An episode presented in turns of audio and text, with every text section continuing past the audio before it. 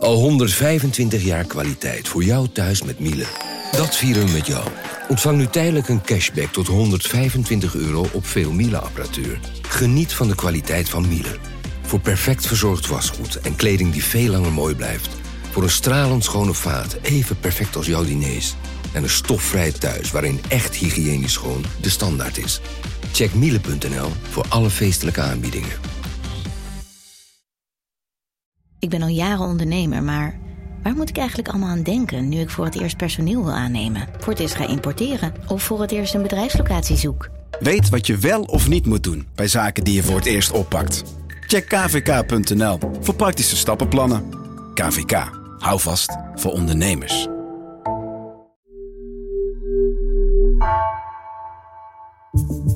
Vanaf de redactie van NRC het verhaal van vandaag. Mijn naam is Misha Melita.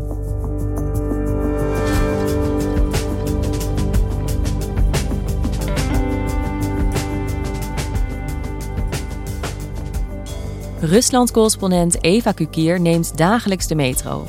Sinds een week valt haar iets nieuws op. Mensen betalen niet met een pas of kleingeld, maar via gezichtsherkenning. Het nieuwe betalingssysteem FacePay werd met veel poeha gepresenteerd.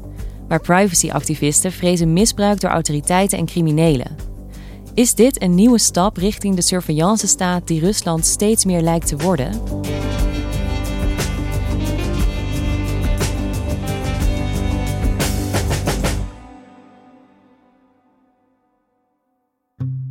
Sinds begin van dit jaar woon ik in Moskou, een stad met uh, ongeveer 12 tot 15 miljoen mensen.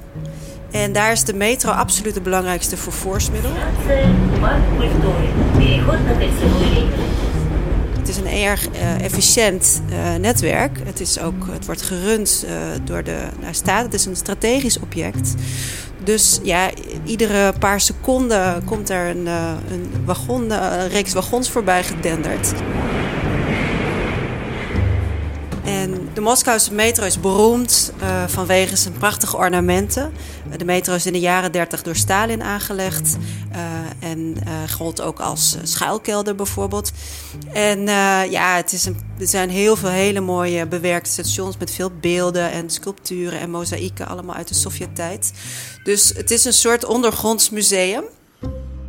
Uh, er zijn 241 stations en daar komen ieder jaar zo'n 5 tot 10 bij. Dus dat netwerk dat breidt zich ook ontzettend hard uit.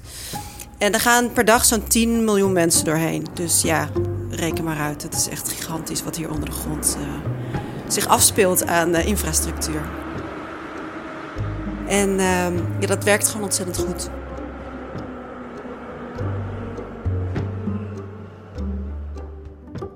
En ga jij ook vaak met de metro? Ja, bijna dagelijks. En uh, ik zit aan de rode lijn, dat is uh, Park Kulturi. Dat is de lijn die ligt uh, bij het beroemde Gorky Park, het grote park van Moskou, aan de Moskwa rivier. En er staan een heleboel poortjes, net als bij ons eigenlijk, bijvoorbeeld bij de NS. en daar ga je doorheen als je, als je kaart op de scanner legt. Er zijn verschillende betalingsmethodes. Uh, ik heb net als de meeste Moscovieten een uh, abonnement. Dat heet de Trojka, de Trojka-kaart. En uh, nou ja, daar kun je geld op zetten en dan kun je iedere keer door dat poortje. Maar je kunt ook bijvoorbeeld met je telefoon betalen of, of met een eenmalig kaartje. En Sinds deze week is daar een betalingssysteem bijgekomen, uh, waarvan de burgemeester vorige week zei: dit is echt top of the bill, uh, nieuwe wereldprimeur. Een manier die het leven van de Moscovieten nog makkelijker maakt, omdat het ons allemaal veel tijd zou besparen. Maar dat is ook een systeem waar best wel veel ophef over is ontstaan hier. Um, en dat is het FacePay-systeem. Passengers on the Moscow Metro can now pay for their commute using facial recognition technology. Столичные подземки начали тестировать новую систему оплаты проезда – FacePay. The system uses the latest biometric technology to make getting into the metro as hassle-free as possible. Betalen met je gezicht, hoe werkt dat? Nou, FacePay is een nieuw betalingssysteem dat, zoals de naam al zegt, betalen met je gezicht. En dat werkt als volgt. Uh, je moet een selfie uploaden of een foto op een website van de metro. Daarna koppel je je bankgegevens en je telefoon daaraan. En Uh, zo herkennen de camera's die in de metro hangen, die herkennen je gezicht. En dan gaat het poortje automatisch open. Ja, dus het is eigenlijk een heel gebruiksvriendelijk systeem. Nou, dat is inderdaad de boodschap van de gemeente. Zo proberen ze dit te verkopen. Het is makkelijk, je hoeft nooit meer naar je OV-pas te zoeken, je hoeft nooit meer in je tas te graven uh, naar kaartjes of uh, hè, dat je te weinig geld op je kaart hebt als je haast hebt en weer moet gaan uploaden. Je kunt gewoon doorlopen als je naar de camera's kijkt. Ja, lekker makkelijk. Ja, dat is inderdaad uh, wat de gemeente ook zegt, maar daar is niet iedereen het mee eens. Privacy-activisten denken daar toch wel iets anders over. Uh, VSP is aangesloten op het systeem voor gezichtsherkenning dat drie jaar geleden in heel Moskou is uitgerold. En sindsdien houden ruim 200.000 camera's echt iedere beweging van Moscovieten op straat in de gaten. En ja, je kunt je wel voorstellen dat privacyactivisten, juristen, maar ook politici, uh, sommige politici dan, uh, daar veel vraagtekens bij zetten. En ja, die vraagtekens die worden nu toch een beetje aan de kant geveegd. Oké, dus de autoriteiten zeggen: Nou ja, je kan gewoon uh, eenvoudig met het OV reizen. Het is nog makkelijker geworden. Privacyactivisten zeggen: Hier hebben we eigenlijk geen zin in. Um, het is deze week gelanceerd. Wordt er veel gebruik gemaakt van VSP door Moscovieten? Nou, ik ging hier uh, naar mijn eigen rode lijn en uh, daar sprak ik met een Bali-medewerkster, Anna Tolskaya, jonge vrouw die daar de hele dag, 12 uur per dag, uh, ja, passagiers van de metro te woord staat en vragen beantwoordt en mensen helpt om de weg te wijzen. Um, en ik vroeg haar van, goh, is er nou veel belangstelling voor dit systeem? En zij zei dat er toch wel, uh, ja, toch wel enthousiasme ook was uh, bij sommige mensen. Сколько человек здесь? Это для масок, да? А? Проверка масок? Да. Знаете, вообще это ФСП, да? Он работает недавно же. En zij uh, had ook zelf uh, het systeem al getest, want alle 65.000 medewerkers van de Moskouse metro, dat zijn er echt heel erg veel, die moesten dit uh, systeem uh, verplicht op hun telefoon installeren mm. en verplicht gebruiken. Dus ze was ook echt, uh, nou ja, gebruikers-expert, zeg maar. En zij was erg enthousiast. En heb je ook reizigers gesproken die van het systeem gebruik maken? Nou, ik heb een tijdje daar staan kijken en ik heb verschillende mensen aangesproken, ook op verschillende stations, om te vragen: hè, leeft dit nou? Zijn er mensen enthousiast over? En zo sprak ik uh, Kirill, een jongeman die zat buiten de metro. Здравствуйте. Здрасте. Можно маленький вопрос? Давайте. Я журналистка для голландской газеты. Uh, die zat daar te wachten. Het was al een beetje donker en uh, hij zat er op een vriend te wachten. En uh, ja, hij was eigenlijk wel positief. Hij had de app ook al gedownload en was zeker van plan om het te gaan gebruiken. Maar hij was er nog niet aan toegekomen. Я регистрировался, пока вот не успел опробовать. En toen ik hem vroeg naar nou ja, de redenen, was het vooral inderdaad gebruiksgemak. En toen ik hem vroeg naar eventuele privacybezwaren, ja, moest hij ook wel een beetje lachen van, goh, ja, ze weten toch al heel veel van ons. Hè? En dan had hij het natuurlijk mm. over de autoriteiten. Um, dus ja, hij had daar niet zoveel moeite mee. Ja, никаких. Проблем нет. Vervolgens sprak ik drie meisjes in de metro die uh, daar een afspraak hadden. En uh, ja, die hadden toch wel wat meer moeite met het systeem. Вас мы можем взять просто карту Сбербанка, приложить, и она вот на этих двух автоматах первых можно пройти. Вот видите, девушка прикладывает карту. Ze zeiden, nou, we hebben eigenlijk helemaal niet zoveel zin om dat te gaan gebruiken. Uh, we hebben echt wel bezwaren dat, uh, dat we niet precies weten wat er met onze gegevens gebeurt. Uh, waarom zou ik mijn foto ook nog moeten uploaden in dat systeem? Je weet nooit wie erbij kan. Dus nee, ze hadden, zij waren daar echt wel heel duidelijk over dat ze daar absoluut geen trek in hadden. А? Да, есть такой момент, что как бы это очень личные данные, это все там. Ну, понятное дело, что это уже все там. En vervolgens sprak ik nog een, uh, een jonge vrouw uh, die, ja, die eigenlijk een beetje hetzelfde had. Ze vertrouwden het niet. Ze, ze zei het ook van ja, we weten niet wat de overheid hiermee wil. Uh, de Russische overheid weet al heel erg veel van ons. Uh, we hebben geen controle over onze gegevens. У нас, мне кажется, многие не доверяют этому. Мне кажется, да. Я тоже не, ну, я не особо доверяю, но мне в принципе все равно. Dus zij zag het eigenlijk ook helemaal niet zitten.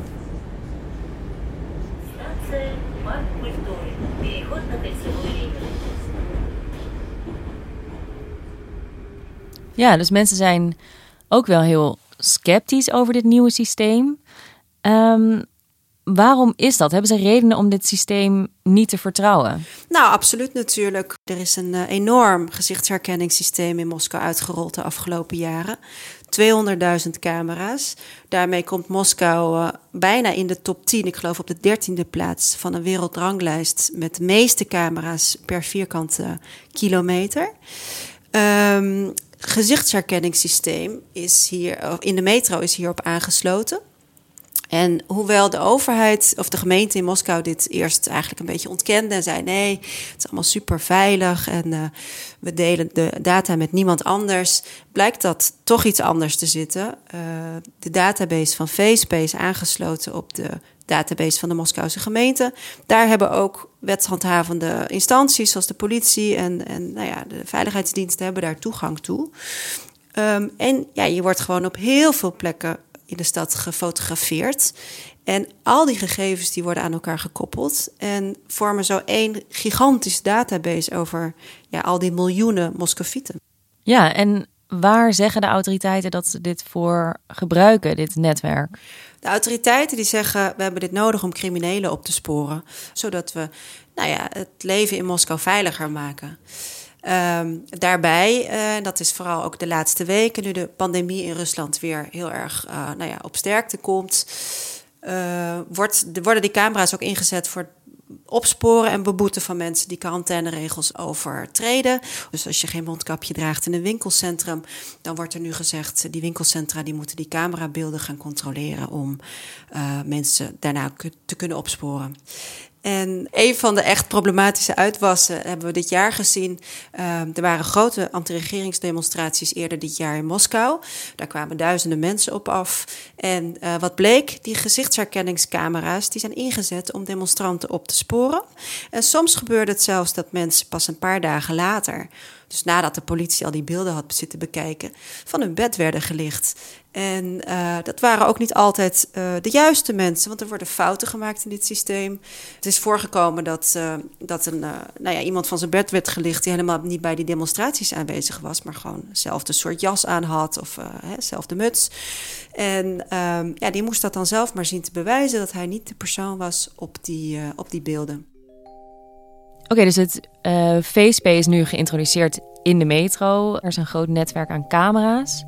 Maar dat betekent dus ook dat de Moskouse gemeente een ontzettende grote database heeft van allemaal biometrische gegevens van haar burgers. Is die, zijn die data wel veilig bij de gemeente? Nou ja, dat is een hele grote vraag uh, die activisten ook stellen. Uh, het lijkt er niet op, uh, wat je zegt. Het is echt een gigantische database. Daar komt natuurlijk enorm veel verantwoordelijkheid bij kijken om uh, dat goed op te bergen en te beschermen. En dat lijkt toch te ontbreken. we zien veel datalekken, net als hè, bij ieder bedrijf gebeurt dat ook in Rusland regelmatig. Maar er wordt hier natuurlijk ook veel gehackt. En uh, bijvoorbeeld een paar dagen geleden was hier een, echt een groot schandaal. Toen hackers online een database bleken aan te bieden van 50 miljoen automobilisten uit de regio Moskou. Voor maar 800 dollar te koop. Dus ja, reken maar uit. Dat is een schat van informatie voor een prikje. En daarnaast is er in Rusland dus een hele grote markt voor uh, persoonsgegevens. En is het ontzettend makkelijk om op het dark web, maar ook op het gewone internet, uh, andermans gegevens te kopen. En ja, uh, klanten zijn vaak criminelen, uh, ook leden van de inlichtingendienst of van de wetshandhavende instanties zoals de politie.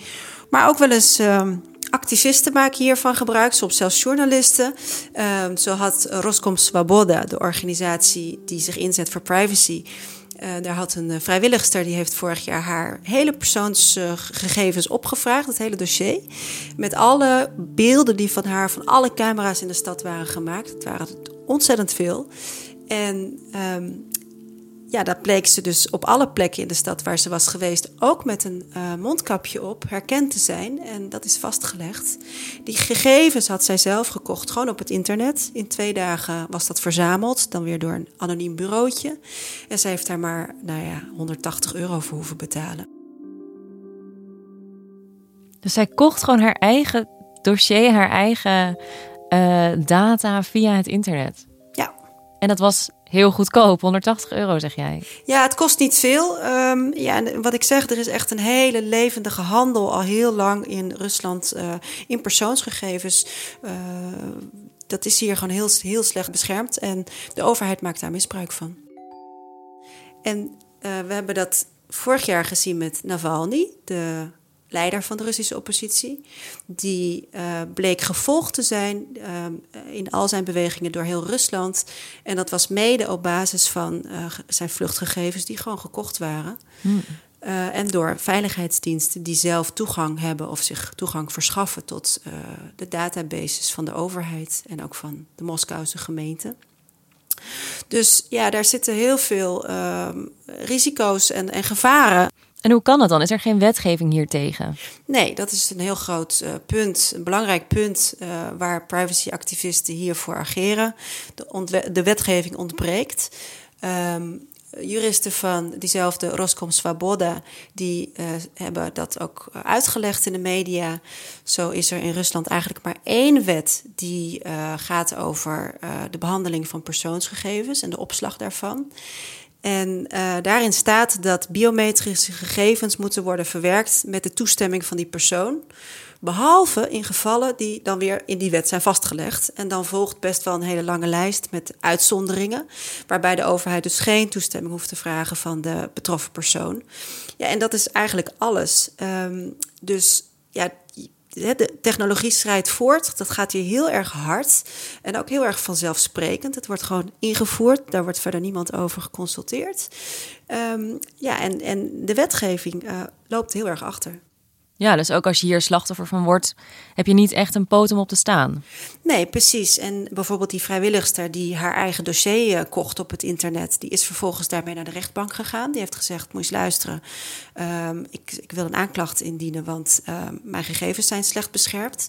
En vervolgens heeft de rechtbank die zaak niet ontvankelijk verklaard met het verhaal: ja, de camera's die zijn gericht op uh, statische objecten en op straten. En ja, die zijn niet bedoeld om burgers in de gaten te houden. Dus uh, gaat u maar weer naar huis en uh, slaapt u maar rustig verder. Ja, dat is natuurlijk echt heel erg zorgwekkend in een land als Rusland. Ja, zeker. Alsof het min of meer toevallig was dat zij is vastgelegd. Ja, precies. En uh, nou ja, vorig jaar ontkenden ze ook nog heel hard hier de autoriteiten dat uh, gezichtsherkenning wordt ingezet om gegevens te verzamelen over mensen. Inmiddels uh, nou ja, proberen ze zich op andere manieren te verdedigen, maar ja, het probleem blijft bestaan.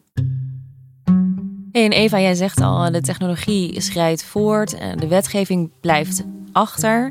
In de metro is nu dit nieuwe systeem uh, geïntroduceerd, waardoor ja, er nog meer biometrische data kan worden verzameld van Russische burgers. In hoeverre zijn mensen zich hier bewust van? Dat wisselt heel erg. Hè? Uh, ook in Rusland, sommige mensen zijn meer geïnformeerd dan anderen. Zeker in een grote stad als Moskou.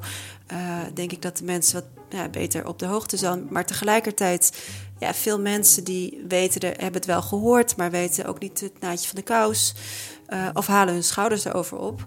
Omdat ze zeggen, ja, de overheid weet al alles van ons. Je moet overal je data achterlaten, ook bij de bank. Iedereen betaalt met zijn telefoon. Um, het gebak dient de mens. En daarbij is uh, ja, privacy niet altijd, uh, niet altijd zo'n groot onderwerp als dat bijvoorbeeld bij ons is in Nederland. En wat denk jij, zit de volgende stap in ja, de surveillance staat Rusland? Ja, zo zie je ook uh, echt een glijdende schaal. Hè? In China hebben we natuurlijk allemaal uh, voorbeelden van de manier waarop de overheid via camera's het hele leven controleert van de burgers. In Moskou, in Rusland zijn we zeker nog niet zo ver, maar ja, het gaat hard. Je hebt er geen controle op. Uh, er zijn privacyactivisten en ook wel een paar uh, liberale politici die hier een punt van maken. Maar die krijgen die wetgeving er niet beter op. Dus het gaat heel erg hard en je ziet ook dat het op de verkeerde manieren wordt ingezet. En heb jij je pasfoto al geüpload of moet jij nog rommelen in je tas als je met de metro gaat? Nee, ik zal zeker mijn pasfoto niet uploaden op geen enkele site. Uh, ook van mij weten ze natuurlijk heel veel. Um, maar ik uh, rommel toch liever in mijn tas dan dat ik uh, ze nog een extra, hè, wat extra informatie geef om het, om het smakkelijker te maken.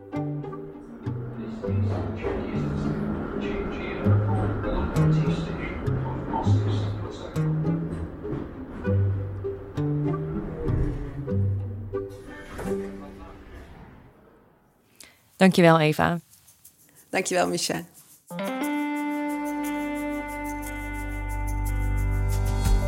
Je luisterde naar vandaag, een podcast van NRC. Eén verhaal, elke dag. Deze aflevering werd gemaakt door Henk Ruighoek van der Werven en Ruben Pest. Dit was vandaag, morgen weer.